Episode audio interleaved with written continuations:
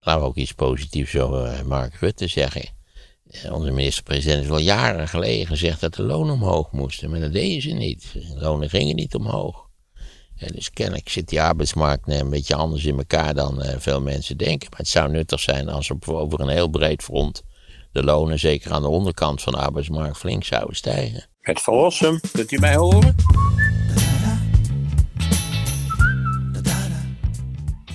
Ik heb nog één andere vraag voor je over de NS. Want we hebben natuurlijk wat stakingen gehad. Ik weet niet of je het onderweg hebt gemerkt eh, deze weken dat het extra druk was op sommige dagen op de wegen. Ja, dat was in allerlei opzichten. Ik, ik, sowieso post-COVID. Je weet dat in de COVID-tijd dat de kranten vol stonden met stukken. Het werd nooit meer zoals het was. Nee. Het was een hele nieuwe wereld was ontstaan. Het hybride werken. Nou, het was allemaal ongelooflijk, nietwaar? Een transformatie zoals sinds de late middeleeuwen dat niet had voorgedaan, zou zich nu wel voordoen. Het was on... Elk, elk normaal en verstandig mens begreep dat dit wezenloze kletskoek was. En zo is ook gebleken. Het is namelijk ontzettend druk op de weg. Ja, dus heel druk. Echt, hè? en op alle denkbare tijdstippen is het hartstikke druk op de weg. Ja, en er kwam dus nu nog die NS-staking bij. Maar ze hebben nu een deal gesloten. Ja. De NS. 9%. Ja, de stakingen zijn afgeblazen, dat zag ik. Ja. Hebben de hele nacht onderhandeld, begreep ik. En eh 9% ruim erbij. Nou ja, als je dat eh, plus dan eh, nog wat de regering gaat doen eh, met, eh, met hoe heet het, eh, Prinsjesdag. Dan eh, zijn dat wel mooie compensaties natuurlijk. Ja, en ik... eh, Al heb ik je nog voorgerekend dat natuurlijk 10% bij het minimumloon, dat je daar niet, eh, dat je daar niet dansend van door de straten trekt. nee, ik zag ook eh, bij Jinek was het volgens mij ook weer. eh, machinisten en conducteurs. Ik En, begrijp dat jij een, een, een regelmatige Jinek-kijker bent geworden. ja, nou, ik zet daar dan langs en ik zag daar conducteurs zitten. Dus ik dacht, ik blijf even kijken. hè. En die zeiden van, ja, dit is niet meer te doen. We, we, we- we- die, het is wel goed om dat verhaal een keer te horen van die mensen zelf. Die dan vertellen van, ja jongens, we moeten er wel wat bij krijgen. Want we krijgen het niet meer rondgerekend thuis. En eh, dat is dus nu gelukt. Ja, nou ja, god, eh, wel gefeliciteerd zou ik zeggen. Ja, Als je dus het minimumloon eh, krijgt eh, per uur, dan krijg je er een, eh, wat hadden we ook alweer uitgerekend, een eurotje 10. Ja, 11 euro zei jij, was het Ja. minimumloon, ja.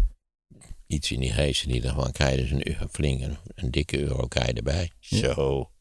Ja, ijsje hier om de hoek kost 3 euro. ja. Maar Wel dan twee bolletjes. maar bij de NS zullen de meeste mensen toch wel meer verdienen dan het minimumloon. Dat denk ik. denk ik wel, ja. Dat Ja. denk ik wel. Maar wat ik, wat ik me afvroeg is van, kijk, dit is natuurlijk nu een signaal, eh, wat je ook afgeeft aan andere beroepsgroepen, van bij de NS loont staken dus.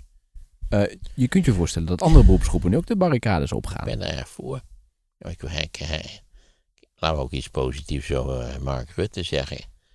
Onze minister-president is al jaren geleden gezegd dat de lonen omhoog moesten, maar dat deden ze niet. De lonen gingen niet omhoog. Ja, dus kennelijk zit die arbeidsmarkt eh, een beetje anders in elkaar dan eh, veel mensen denken. Maar het zou nuttig zijn als op, over een heel breed front de lonen, zeker aan de onderkant van de arbeidsmarkt, flink zouden stijgen. Hm. Maar ja, je hebt ook al de eerste piepers van in de middenstand gehoord. Van, ja, dat is allemaal wel oorlog, maar eh, dat, dat brengen wij niet op. Dat heeft dramatische effecten. Nou, Ja. We zullen het zien. Nou ja, de- dat is dan de middenstand, maar er wordt wel gezegd bij de hele grote bedrijven, daar wordt winst genoeg gemaakt. Dus daar is absoluut ruimte om die lonen omhoog te gooien. Alleen ze doen het niet. Ja, dat wordt, eh, ook, ook- ik ben ook erg voor afroming van een deel van die overwinsten van die energiebedrijven. Ja. Want die, die, hun energieopwekking die vindt plaats tegen, tegen tarieven en kosten die totaal anders zijn dan die nu eh, door de spotmarkt eh, in feite als leidend worden gezien. Ja. Het is, het is net als altijd, maar weet je wel, als, als de olieprijs omhoog gaat. En Ja. dan gaat het op de spotmarkt, gaat de olieprijs omhoog. En dan ga je aan de pomp, ga je meteen eh, veel meer betalen. Wat natuurlijk flauwekul is, want die, die benzine die jij van de Shell krijgt, of de Texaco, of van wie je het krijgt, die, is, die is massaal en voor veel lagere prijzen ingekocht over langere termijnen. Het is idioot om die, spot, die spotmarkt eigenlijk als, als richtinggevend te zien. Maar goed, Maar- room het af. En Europa wil nu een plafond gaan instellen. Het is natuurlijk toch de vraag of de lidstaten instemmen. Maar Europa heeft Nou ja, je weet altijd dat er een lidstaat is die niet instemt. Dat is Hongarije. Ja. Misschien ook nu eindelijk eens een goede gelegenheid. Flikken ze er gewoon uit. Hè. Laat ze hun eigen, hun eigen zaakjes opknappen, zou ik zeggen. Ben je niet bang dat als dat plafond er komt, dat er dan maatschappijen om gaan vallen? Maar zo wat. Dat er een paar maatschappijen omvallen. Deed de economist ook nogal moeilijk over. Ik zie dat niet 1, 2, 3 gebeuren. Dat, dat moet heel makkelijk op te vangen zijn. Dus dat je, dat, je, dat je ingrijpt en dat je ook een beetje Ja, ja, natuurlijk. Kijk, kijk, mensen die dan naar de televisie kijken, die, die zien dan dus die, die, die, die achterlijke prijzen die nu betaald worden voor gas. Hè. Je ziet dat dan in zo'n. Maar dat is natuurlijk, ja, dat is tijdelijk. Dat zijn spot, nogmaals, dat zijn spotmarktprijzen. Hè. Dat is nu. Dat is niet voor de lange termijn, dat is paniekkoperij. Paniek op de markt. Dus trek je daar niet te veel van aan. Hè. Dan zullen, kijk, dat, eh, ik zag die Timmermans even. Eh, die zei dat de prijzen van fossiele energie zullen, prijzen van energie zullen nooit meer worden wat ze waren. Dat is waarschijnlijk waar. Dat Russische gas was wel erg goedkoop. Eh, maar goed, als we het goed organiseren en fors investeren, moet het mogelijk zijn om de prijzen van energie tot een heel redel- redelijk niveau terug te brengen. Timmermans van de Green Deal, hè? En eh, Samson, Diederik Samson is volgens mij zijn kabinetchef daaronder. Dus die trekken door Europa om die plannen. Ja, dat Samson, dat blijft voor mij een gevoelig puntje. Dat komt het door het kabinet van... Kabinet Rutte 2. Ja. Hè? Ja. Een van de meest rampzalige kabinetten van de afgelopen jaren. Ja. Terwijl hij toch, eh, het is toch een, een man die daar, die voor de P van de Dat A... is juist zo verbijsterend. Hè? Dijsselbloem, Samson, Asje, hele, hele intelligente jongens. Echt allemaal top, top of the bill. En, en, en je laat je zo inpakken. Ja, dat, dat blijft verbijsterend. Met ook twee types, je noemt ze nu, hè, Samson en Dijsselbloem, die mooie carrières tot nu toe maken. Geweldig. Nou, Dijsselbloem heeft wel lang moeten wachten tot hij een leuk baantje kreeg. Ik wil niet zeggen dat hij voorzitter van de kampeerraad geweest is, maar scheelt toch niet veel. Hij is nu burgemeester in Eindhoven. Ja, zeker. Ja. Grootste concentratie intellectuelen ter wereld, hoe was het ook alweer? In Eindhoven? Ja, daar adverteren ze altijd mee. Oké, ja, de Brainport-regio noemen ze Ja, het. hè? Brainport, dat is Ja. het woord. Brainport. Ja. Ja, het zal, het zal het gedeelte qua waar zijn. Het is natuurlijk een relatief kleine stad met een, met een heel hoogwaardige industrie. Ik was van de week op de hebben, luchthaven ze, daar. hebben, ze Eldho, eh, hebben ze Veldhoven al geannexeerd of Nee, niet? nog net niet. Maar dat, zal niet lang meer duren inderdaad, met ASML daar inderdaad. En het ziekenhuis, laten we het niet vergeten. Ze hebben volgens mij daar op een hele kleine oppervlakte drie ziekenhuizen in de buurt liggen. Nou ja, we hebben hier ook eh, hè? we hebben het Diakonesse ziekenhuis. We hebben het Antonisch ziekenhuis en we hebben het UMC. Ja. Dan kun je, als, je, als we nu starten en hij rond gaan rijden, dan kunnen we binnen een kwartier langs al die drie die ziekenhuizen rijden. ja, maar schijnbaar is het nodig met het verzorgingsgebied. Ja, natuurlijk is dat nodig. Je zit te praten met een hoogbejaard type wat voortdurend medische zorg aan nodig heeft om überhaupt op de been te blijven. Ja. En het aantal bejaarden, dat was op zichzelf. Eh, laten we nog één keer terugschakelen naar Elisabeth. Het eh, Economist had een alleraardig stukje over het Engeland waarin zij koningin geworden is in 52. En het Engeland waarin ze overleden is in 22. En hoe totaal verschillend die twee landen waren. Alleen al als je kijkt naar de leeftijd, de gemiddelde leeftijd van de bevolking. Die enorm is toegenomen. Verbazingwekkend jong was de bevolking van Engeland in 52. Echt dat je denkt. En dan zie je aan dat dat verouderingsproces in Europa, hoe ingrijpend dat eigenlijk is. En ja, dat jaagt je ook op kosten. Dat begrijp je wel. De medische kosten, ja, dat begint toch vanaf, vanaf 65 wel aan te trekken, denk ik. Ja, en de vraag is hoe dat beteugeld wordt, hè? Want daar wordt natuurlijk iedere dag over genagedacht. Ja, nou ja, er zijn verschillende mogelijkheden bij beteugingen. Dat je gewoon iedereen doodschiet die 65 wordt. Dat is hartstikke goedkoop, in principe. Maar ja, dat is een van de wat minder aantrekkelijke methodes. Je kunt zorgen dat iedereen aan de drank gaat, zodat eh, vooral de mannen heel vroeg overlijden. Rusland, klassiek voorbeeld. Waar de gemiddeld te verwachte levensduur tien jaar gedaald is of zoiets in die geest in ieder geval. Nee, we zullen dat op een fatsoenlijke manier moeten doen. En het woord fatsoenlijk bedoel ik hier heel serieus. Ook niet gaan bezuinigen en overal de randjes van af gaan knippen. En, en nou ja, dat, dat moet ook niet. Nee, we zijn een hele rijke samenleving. Laten we dat ook laten merken voor alle ouderen in Nederland. Hè? Ook niet de ouderen die het wel betalen kunnen, maar ook al die andere ouderen in Nederland. Hoe vind je dat het nu georganiseerd is met, met eigen risico en daarna wat allemaal vergoed wordt? Wat, wat wel en Ik niet. vind het eigen risico relatief hoog. 3,50 is het, hè? Ja, dat wil zeggen, ik, voor mij niet. Voor mij is het niet hoog. Hè, maar voor veel mensen zal het wel hoog zijn. En het schijnt dat het al een, een remmende invloed heeft op de mate waarin mensen dus eh, medische hulp zoeken. Ze denken, oh jee, oh jee.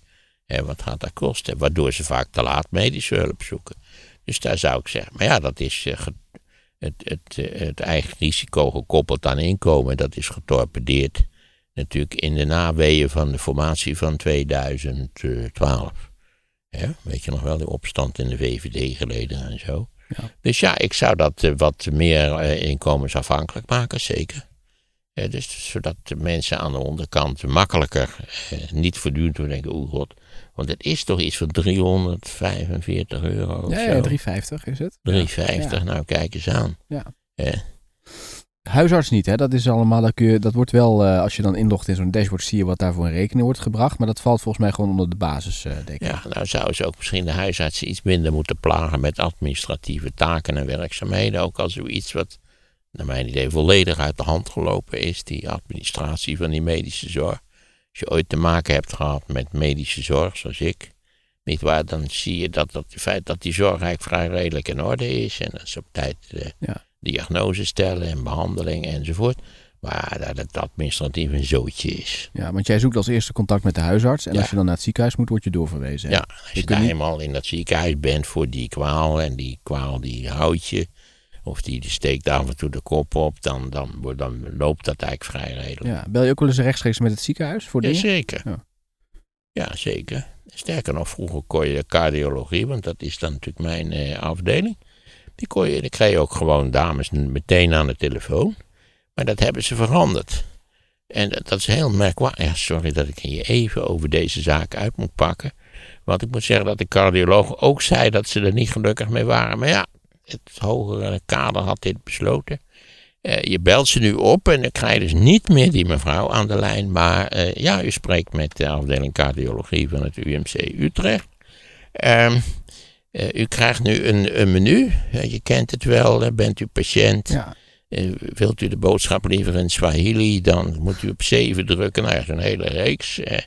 Ten slotte druk je dan, eh, maak je duidelijk in de reeks dat je een patiënt bent. En dan zeggen ze iets heel geheimzinnigs van ja, we hebben het nu ontzettend druk. Maar eh, wilt u teruggebeld worden? Dan denk je, nou ja, eerst denk je van ja, teruggebeld, ik ga maar even zitten wachten. Nou, dan duurt het een hele tijd voordat je tenslotte iemand aan de lijn krijgt. Maar nu heb ik iets heel interessants geleerd. Je moet gewoon drukken op terugbellen. En dan word je in, in no time teruggebeld. Ja, dat is heel handig, ja. Maar wat gek, waarom kan die mevrouw die jou wel in no time terug kan bellen, niet gewoon het gesprek aangaan op het moment dat je in de eerste telefonische verbinding hebt Ja. gemaakt? Goeie vraag. Dat, eh, dat is misschien Volkomen krankzinnig. iemand die dit doet, moet misschien dit eens beantwoorden. Die hier en die. Ja, je weet, het wordt nooit beantwoord. hè. Net als mijn, mijn vraag over die twee strook, die drie stroken op onze grote wegen. Hè, Dat je dus als het volgens het ministerie geen filetijd is, dan is die linkerstrook die is verboden om in te rijden. Nou, ik kreeg laatst toevallig waar ging ik naar Wageningen. Het was in die twee stroken waar we dan wel op mochten rijden heel druk. Ik dacht, als je die derde strook ook aanschakelt, dan heb je veel minder risico. Minder ingewikkelde passeerbewegingen, geen filevorming. En, en ik heb eens een brief geschreven aan het ministerie waarom dat zo was, die derde strook. Waar die alsmaar verboden is als je niet in filetijd rijdt. Terwijl het in Nederland eigenlijk altijd druk is. Dat, ten eerste duurde het even voordat we daar antwoord op kregen op die brief. En vervolgens kregen we een volkomen chaotische brief waar op geen enkele wijze uit bleek dat dit een nuttige maatregel was. Het is gewoon krankzinnig. Wat stond in die brief dan die je kreeg? Nou, ik weet niet dat het wegdek minder sleet of zo. Iets, iets onnozels in ieder geval. Maar ik vraag me af, als jij, het- als altijd, er is altijd weer een punt waar geritst moet worden. En daar ontstaat dan toch weer die file. Ja, dat zou kunnen, maar dat is geen reden om niet, niet eh, op die. wa- Wanneer er. Het is toch idioot dat je. Ik rij van Utrecht naar, naar de afslag Wageningen. Eh, daar, over dat hele traject is, zijn drie banen en er mogen er maar twee gebruikt worden. En oeh, als je in die derde baan gaat rijden, hè, staan ook borden langs de weg. Kruis is niet. Nou ja, Ja. Nou, het valt mij wel op op de weg. Als er, er staat bijvoorbeeld iemand bij de vangrail of zo, ook al is het maar iemand van Rijkswaterstaat, dan gaat die strook ook dicht. Hè? Dan gaat eh, de rood Dan, als de, de vangrail, als er een, een meikever wordt gesignaleerd, dan gaat dat licht al aan. Hè? Ik zag laatst ook zo'n autootje wat helemaal geen gevaarlijke situatie veroorzaakte. En ja, dat is, dat, is, je, dat is wel filevorming op grote schaal. Dat Ja. Trouwens een druk moment. Ik kan me wel voorstellen dat ze dat... Dan dus denk je, waarom staan we stil? En dan tenslotte, dan, dan, nadat je dus de hele, een hele tijd voortgekropen bent, zie je dus dat er een meikever op de vangrail zit. Maar het is wel veilig. Want als je dat niet doet, dan razen die auto's met 100 km per uur langs je. Ja, en het schijnt dat veel mensen dan toch even de weg oplopen. Maar goed, dat, ik wil er wel niet flauw over doen. Maar Ja. Hier begint toch de survival of the fittest wel een rol te spelen. Zaterdagavond hè, is ook een populair moment voor jongeren die dan denken, oh, we steken die snelweg wel even over. Zeker in de, in de feit provincies. is dat, dat mensen die snelheden echt...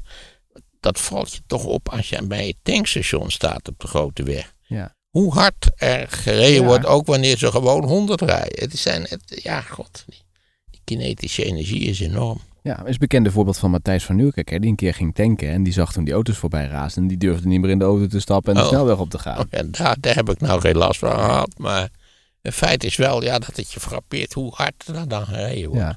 Nog één ding over het ziekenhuis. Ik moest daar laatst ook zijn om zo'n... Ik heb hier zo'n moedervlek laten weghalen. Voor, zie je dat? Het is voor de, voor de zekerheid dat ze denken Ja. dat daar iets in zit. Toen moest ik ook naar zo'n ziekenhuis. En dan moet je dus aan zo'n paal moet je je aanmelden, hè? Want er is, is niet meer een balie. Ja, er is nog wel een balie. Maar het is de bedoeling dat je naar zo'n paal gaat. Welk ziekenhuis was dat? Dat was ook in, eh, in Veldhoven was dat. Was ik naar het Oh. ziekenhuis gegaan. Omdat ik daar iemand kende. En ik dacht, die laat ik dat doen. Want eh, die heeft dat de Oh, vorige keer ook goed gedaan. En ehm, wat mij opviel is dat je moet op die paal allemaal gegevens invullen van je huisarts. Ook van je apotheek. En als je dus één ding niet goed invult, dan, dan krijg je dus niet het bonnetje. hoor. Ja, precies. Dat is je, zodra je iets niet goed invult in Nederland, word je meteen gepakt. hè. Ik valt me nog mee dat je niet meteen de handboeien om hebt gekregen en voor een uur naar de kelder bent afgevoerd. Hè. En u heeft een foutje gemaakt. Oeh. Hè. Ja, maar dat, dat- doen je banken ook. Ik heb toch verteld van mij b- b- dat, dat die ING mij gewoon geblokkeerd had omdat ik een foutje had gemaakt. Ja. En omdat ze dat dus, wat zeiden ze later, u had een pushbericht moeten krijgen, maar ik heb nooit een pushbericht gehad. Dus ja, en dan probeerde ik elke dag, zou ik alweer gedeblokkeerd zijn. Maar ja, zo ernstig was het dan maar niet. Nee, tot ik de, tot mijn, zoals gewoonlijk, mijn dochter zei, je moet de afdeling fraude bellen. En inderdaad, bleek, ik bleek toch een eh, potentiële fraudeur te zijn geweest. Nou ja. Maar hoe doe je dat in die ziekenhuizen dan? Nou, in dit geval, in mijn geval dus, dan, eh, als ik dus nu eh, binnenkort weer, eh, geloof ik, weer zo'n echo moet laten maken, dan loop ik meteen door en dan krijg een brief en dan staat op, u moet zich melden bij Bali 24b, is het in mijn geval. Oké. En dan meld je dan, dat is niets te doen meestal. En dan zeggen we, u kunt even wachten. En met een beetje goede wil kom je meteen aan de beurt daar. Ja. Ik moet dit allemaal afkloppen natuurlijk. Volgende keer staan er rijen dik mensen. Maar goed, meestal, eh, meestal gaat het heel vlot. Je had het net ook- Sterker nog, ik, ik, wil, ik wil ook de afdeling cardiologie van het UMC wel een, een vier op de hoed steken. Ze werken, werken normaal op tijd. Dus je hebt afgesproken half elf, is het ook half elf. ja, dat moet ik wel zeggen. Dat doen ze op verschillende plekken in ziekenhuizen. Ja, eh, vroeger was dat helemaal niet zo. Nee. En als je te Ik laat... heb, wel, ik heb hier wel eens zitten wachten. Onder andere voor zoiets als wat jij nou beschrijft. En dat je gewoon anderhalf uur zat te wachten. Terwijl je een doodnormale afspraak had. Ja. Voor een kleine ingreep. Nou, en als je later, als ze later beginnen, probeer ze het ook de, de tijd eh, Ja, te winnen. Dus hebben ze dat wel onder de knie gekregen. Je had het net over dingen die door corona niet meer eh, er zijn. Hè? Dat ging volgens mij over, eh, oh ja, over die files had je het, van dat dat heel anders zou zijn. Maar wat volgens mij wel verdwenen is op veel plekken, is de drie zoenen bij familie. Dat, is, dat zie je niet. Oh ja, dat is interessant. Nou moet ik zeggen dat ik eh, gisteren bij een crematie was. Waar toch allerlei mensen nog wel, wel de neiging hadden mij te zoenen. Ja, maar dat is misschien omdat ze je goed kennen. één zoen, dat is, ben ik wel met je eens. Maar ik ben erg voor afschaffen van het hele zoenen. Dat wil zeggen, ik ben erg voor zoenen, maar, maar op een andere manier. Niet, Niet die drie niet, niet, laten we zeggen, de sociale zoen. Precies. Is op veel werkplekken was natuurlijk eh, altijd het verhaal als dan iemand jarig was, als een, een dame jarig was, dan alle mannen, ook de onbekende collega's, gaven drie zoenen uit beleefdheid. Maar ja, dat is, je bleef aan de gang. Ja. Het was verschrikkelijk. Je zat, natuurlijk met angst en beven te wachten tot het vier zoenen waren geworden. Want je weet dat dit is een, een oplopende reeks geweest. In de jaren 50 zoende je überhaupt alleen je ouders en je grootouders. Wat dat hield ook eigenlijk op als je 14 was of zo, zeker als je een jongen was. En als je dan in het sociale verkeer ging deelnemen in de jaren 60 was het nog één zoen. En toen werd het twee zoenen en toen werd het drie zoenen. En je moest echt hele goede kennissen hebben, zodat je kon als jongen, wij doen dit niet meer. Hè? Want ik was op een goed moment ook opgehouden met dat hele verrekte gezoen. En toen bereikte mijn echtgenote allerlei via-via berichten. Van heeft hij een hekel aan ons? Of Oh ja? van, wat- ja, precies. Alsof het, maar het was si- simpelweg een anti-zoenstrategie. ja. Er is ook zo'n onderzoekje gedaan op eh, werkplekken dat ze aan mannen vroegen van, denkt u, hè, vindt u het prettig om uw collega te zoenen? Nou, dat was eh, allemaal, eh, mannen dachten dat allemaal prima, geen probleem. Alleen als ze de vrouwen gingen vragen van, vinden u het prettig hè, dat die eh, mannen u dan drie eh, zoenen geven? Die vonden het absoluut niet fijn. Dus er is ook nog een soort van ehm, ja, verschil van inzicht van wat mensen fijn vinden. Ja, misschien moet je het eens vragen. Ik, weet, ik kan me niet voorstellen dat iemand het lollig vindt om in zo'n verjaardagskring eh, twaalf mensen op drie zoenen te moeten geven. Nee. Dan zit je al op 36 zoenen. Ja. Ja. Je kunt ook zo'n beetje in de lucht zoenen. Hè? Dat kan ook nog, maar ik heb dat flauwekul gevonden. Ja. Schud jij wel weer handen? Ja, dat doe ik altijd wel. Dat, deed ik eigenlijk, dat heb ik al heel snel weer ben ik Ah, teruggekeerd. Ik vind een hand geven vind ik wel, dat heeft, Ja. wel iets. Overigens, nu hebt het nu over zoenen, die Italianen. Die, daar, daar is bij mannen ook heel normaal dat die elkaar een welkomstkus geven als ze elkaar op een terrasje weer ontmoeten. Hè? Ja, goed, ik moet zeggen dat ik de Italianen helemaal vrij wil laten in hun eigenaardigheden. Daar zit ik helemaal niet mee. Ik hoop dat dat niet tot Europees beleid wordt verheven, maar dat denk ik niet. De Italianen hebben niet veel invloed op het Europese beleid, al met al. Dus ik gun het ze graag, maar niet voor mij. Het is zoals zoveel dingen iets eh, van je jeugd. Ja. Eh, als, je- als, je, als je zonder al, al te veel geknuffel en gezoen bent opgevoed, dan heb je daar later in je leven ook minder behoefte aan, volgens mij. Ja, wat me opviel bij Gorbachev is hè, dat hij echt met zijn, met zijn hoofd zichtbaar was eh, toen hij eh, opgebaard lag. Dat is nu bij de Queen is dat niet het geval. Hè? Die kist is gewoon dicht. Was de kist dicht? Tenminste in die auto wel, die nu die tour van zes Ja. uur maakt. Nou ja, ik, ik heb met open kisten slechte ervaringen. Ik, eh, mijn advies is aan iedereen is, ga niet kijken. Nee. Denk aan de persoon die overleden is en kennelijk kende u de betrokkenen, want anders was u nu voor de begrafenis of, eh, of crematie uitgenodigd. Denk aan het laatste moment dat u de betrokkenen nog levend gezien heeft. Liefst met een sigaretje of gezellig converserend of wandelend of wat dan ook maar. Maar ga niet in die verdomde kist kijken. Maar goed, bij Gorbachev Ik kon je heb er er niet altijd omheen. spijt van gehad. Ja. Maar als die al open is en eh, hij is in de Bij Gorbachev was ik ook niet gaan kijken. Nee.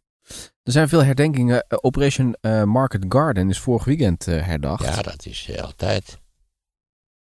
En er waren nog, Oh, oh ja, vorig weekend. volgens mij waren er allemaal Dat is herdenkingen. 17 september.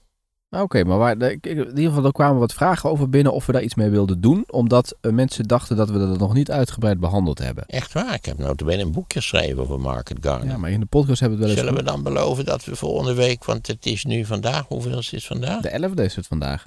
11 nou, dan is het over zeven dagen, is het dus de 18e. Ja, Dan zouden we het eigenlijk dus op de 17e moeten doen, want het bombardement, waarbij ik bijna het leven heb gelaten, ik maak het spannend voor de, voor de luisteraars in de toekomst, eh, dat is 17 september volgens mij, vijf over half twaalf 's ochtends. ja. Maar ik ben graag bereid, eh, aangezien ik eh, me eh, een hoop over gelezen heb, om iets over Market Garden te zeggen. Oké, dat is een goede. Die moeten we even onthouden. Dat En, er- het feit dat het de enige oorlogsgebeurtenis is waarbij ik persoonlijk betrokken was. Zei dat ik een baby was die in een, in een wagentje achter in de tuin lag te slapen. Ik denk dat mensen het nu wel heel spannend vinden wat het verhaal gaat zijn. Ja, het heeft geen haar gescheeld. Of ik, Ja. Zoals ik vaak gezegd heb, het enige spannende deel van mijn leven. Dat is van september 44 tot natuurlijk mei 45. En de hele rest is, eh, is, laten we zeggen, nou ja, de eerste 15 jaar was natuurlijk wel een beetje een armoeige boel. Maar daarna was het ook welvaartstechnisch allemaal crescendo. En dit ga je volgende week ga je dit dan allemaal vertellen. Nou, ik ga volgende week vertellen waarom Market Garden mislukt is. Want het is natuurlijk, dat is een hele wonderlijke zaak. Market Garden is de laatste serieuze eh, geallieerde nederlaag. En de laatste serieuze Duitse overwinning van de Tweede Wereldoorlog. En dat hebben we inderdaad wel eens een keer gehad, eh, verteld. Maar daar waren toen nog verzoeken om dat... ben graag, kijk even wat de reacties zijn. Als de mensen nou eh, allemaal berichten van, ja, dat heb je al drie keer verteld. Dat hoeven we niet nog een keer te weten. Dan doen we het niet. Maar als er gezegd wordt van, ja, leuk of zo, dan doen we het wel. In 20 september, daar hebben de meeste mensen gestemd voor Europa. Om daar iets over te vertellen. Het was Europa of Irak. Dat waren Ja. de opties. Oké, doen we Europa. Europa. En er waren ook wel wat, eh, best de, wat vragen die daar heel specifiek op ingingen. Maar die zal ik even verzamelen. Heb jij nog iets van het lijstje wat we nog hadden? Ik weet niet of je nog allemaal kunt herinneren wat erop stond. Nog iets wat je wil uitdiepen? De evolutie stond daar volgens mij nog op. Ja, er was ook een heel serieuze brief over immigratie, als ik het me goed herinner. Waar wel een aantal steekhoudende vragen werden, werden eh, gesteld. Dan zou ik zeggen, dat is niet in drie minuten af te handelen. Maar we zouden misschien dan toch iets, eh, een wat ruimere eh, tijd moeten geven aan immigratie. Dat die immigratie deels onvermijdelijk is, maar dat het beter georganiseerd kan worden, enzovoort, enzovoort. Hm. Als mensen denken dat, dat we hier verder de boel kunnen afsluiten, niet waar, en de sleutel daar in de, in de windstroom kunnen gooien, zo is het niet, nee. Nee. Oké, dus dan is dat ook Maar daar goed. wil ik wel eens een keer wat iets ruimer aandacht aan besteden. Kijk, immigratie is niet alleen een Nederlands vraagstuk, zoals veel mensen lijken te denken. Dat is een Europees vraagstuk. En dat we steeds met problemen zitten, komt omdat het in Europees kader niet behoorlijk geregeld kan worden. Of ja, door de tegenwerking van weer allerlei landen die er helemaal niks mee hebben. Ja. Die ze gewoon afsluiten. Ja. Overigens vaak gewoon afsluiten voor die immigranten die ze niet bevallen. En niet voor immigranten waar ze eh, handig gebruik van kunnen maken. Ja. Ik moest trouwens nog aan je denken bij die, eh, die autoshow waar ik naartoe was in Praag. Voor een, voor een automerk waar ze dus de eh, nieuwe modellen gingen onthullen. Eh daar moest ook de telefoon moest in een eh, eh, lokker gelegd worden, want je mocht het absoluut niet. Oh, kijk eens aan. De nieuwe modelletjes. Ja, Nou is Skoda meestal niet revolutionair als het om nieuwe modellen gaat. Het is een, een heel terughoudend, maar, maar goed gerund merk. Een submerk van het VW-concern natuurlijk. precies. En eh, in Praag, ook op de luchthaven, staan die auto's allemaal. En eh, het is, heb je zo'n show wel eens meegemaakt dat ze die nieuwe modellen gaan presenteren alsof het nieuwe iPhones zijn? Nee, nee. Er is ook een nieuwe iPhone trouwens. Ja, maar dat wordt die, die, zeg maar, die trend die Steve Jobs heeft ingezet, met alle Ah. details, die zie je dus ook bij die autoshows. Nou ja, dan wordt het natuurlijk elke keer, elke keer gedaan alsof er een wereldrevolutie Precies. is. Terwijl iedereen weet dat de stok Skoda Octavia overigens een prima auto waar niks mis mee is. Een heel rationeel soort van auto. Ja, dat, dat wordt dan gepresenteerd alsof het iets ongelooflijks is. Ja, en met licht en met geluid en goh. Ja, en vroeger had je natuurlijk al die halfblote vrouwen die daarbij... eh, Die waren er nu niet. Die waren er nu niet. Nee, oh, dat is een er ver- verbetering. Ik denk dat dat een dat is een aanzienlijke verbetering. en normaal stonden ze altijd in Misschien toch kostuums. ook een, een resultaat van emancipatie. Dat denk ik wel, ja. Denk ik wel. En eh, Steve Jobs zei altijd one more thing, hè, als hij dan nog iets Ja, had. dat was dan het meest speciale dingetje van de dag. Ja, dat hadden ze hier dus nu ook. Dat hadden ze van hem, maar dat is dan, dat roepen ze dan met een wat Tsjechisch Engels. Eh, en dan komt dan nog het grootste vlaggenschip wat ze willen presenteren. Ehm, het was in allerlei opzichten heel interessant. En auto's die dus op muziek rondjes rijden en elkaar net niet raken. Ja, het was, ik had Een soort nooit... van botsautootjes Ja, daar leek het op, ja. Ik had die niet nog botsten. Ik vond ook altijd bij het botsautootjes, moet ik zeggen. Ik was een groot liefhebber van de botsautootjes. Maar ik vond dat je juist niet moest botsen. Dat je een botsing moest vermijden. Want dat was het Ik vond die jongens die dan met zo'n met zo'n arm buiten boord dan geweldig gingen botsen. Dat vond ik zo kinderachtig. Het is lastig om Ja, te ik mocht van mijn ouders alleen smiddags, eh, smiddags naar de botsautootjes. Want? Nou, de kermis was in Wageningen ook. Eh, nou ja, dat, dat was eigenlijk maar niks. Mijn ouders vonden dat niks dat je naar de kermis ging. kwam een bepaald type volk natuurlijk ook op. Ja, ja, dat was een beetje een, eh, een ordinaire boel, de kermis. Ja, dat is nog steeds Dus je zo. mocht wel 's middags en dan ging ik 's middags naar de botsautootjes. Frans Bauer, die daar ook eh, te horen is, hè, altijd. Is dat zo? Ja, dat soort muziek wordt altijd gedraaid, ja. De laatste keer dat ik op een kermis ben geweest, dat, dat is lang geleden, kan ik je verzekeren. Is er Nee, zijn bestaande botsautootjes nog? Ja, die staan, bestaan wel. Ja? Ja, ja, ja. ja. Is, is hier in Utrecht geen kermis? Was wel, ja. Jawel, op de Malibaan. Dus dan, dan maak Oh, ik ja? een ja, dan, dan verleg ik mijn avondwandeling. Oh. Ja, de, alle vragen denk ik over het Koningshuis hebben we nu wel gehad, hè? Het Koninkhuis, ja. Ja. Ja, dat werkt enorm op mijn lachspieren. Kijk, Nou, je, kunt, je hoeft er ook niet somber over te zijn. Ze is 96 geworden in relatief goede orde. Eh, ik geloof dat ze eigenlijk niet bijster veel ziek geweest is, als ik het me goed herinner. Eh, 15 prime ministers overleefd.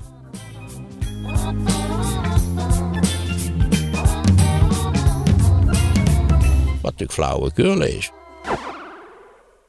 De geschiedenis van onze welvaart. En dan komt er een uitvinder en die vindt iets uit waar nog niemand ooit aan gedacht heeft. En u zult zien, dat is bij geen enkele uitvinding is dat eigenlijk het geval. Volgens kenners een van de beste lezingen die Maarten ooit heeft gegeven. Er is zo'n hele mythologie dat eigenlijk al die uitvinders van de 18e eeuw, van de Engelse industriële revolutie, dat dat eigenlijk allemaal vrij primitieve knutselaars waren. De geschiedenis van onze welvaart. Nu te downloaden als luisterboek. Check de show notes.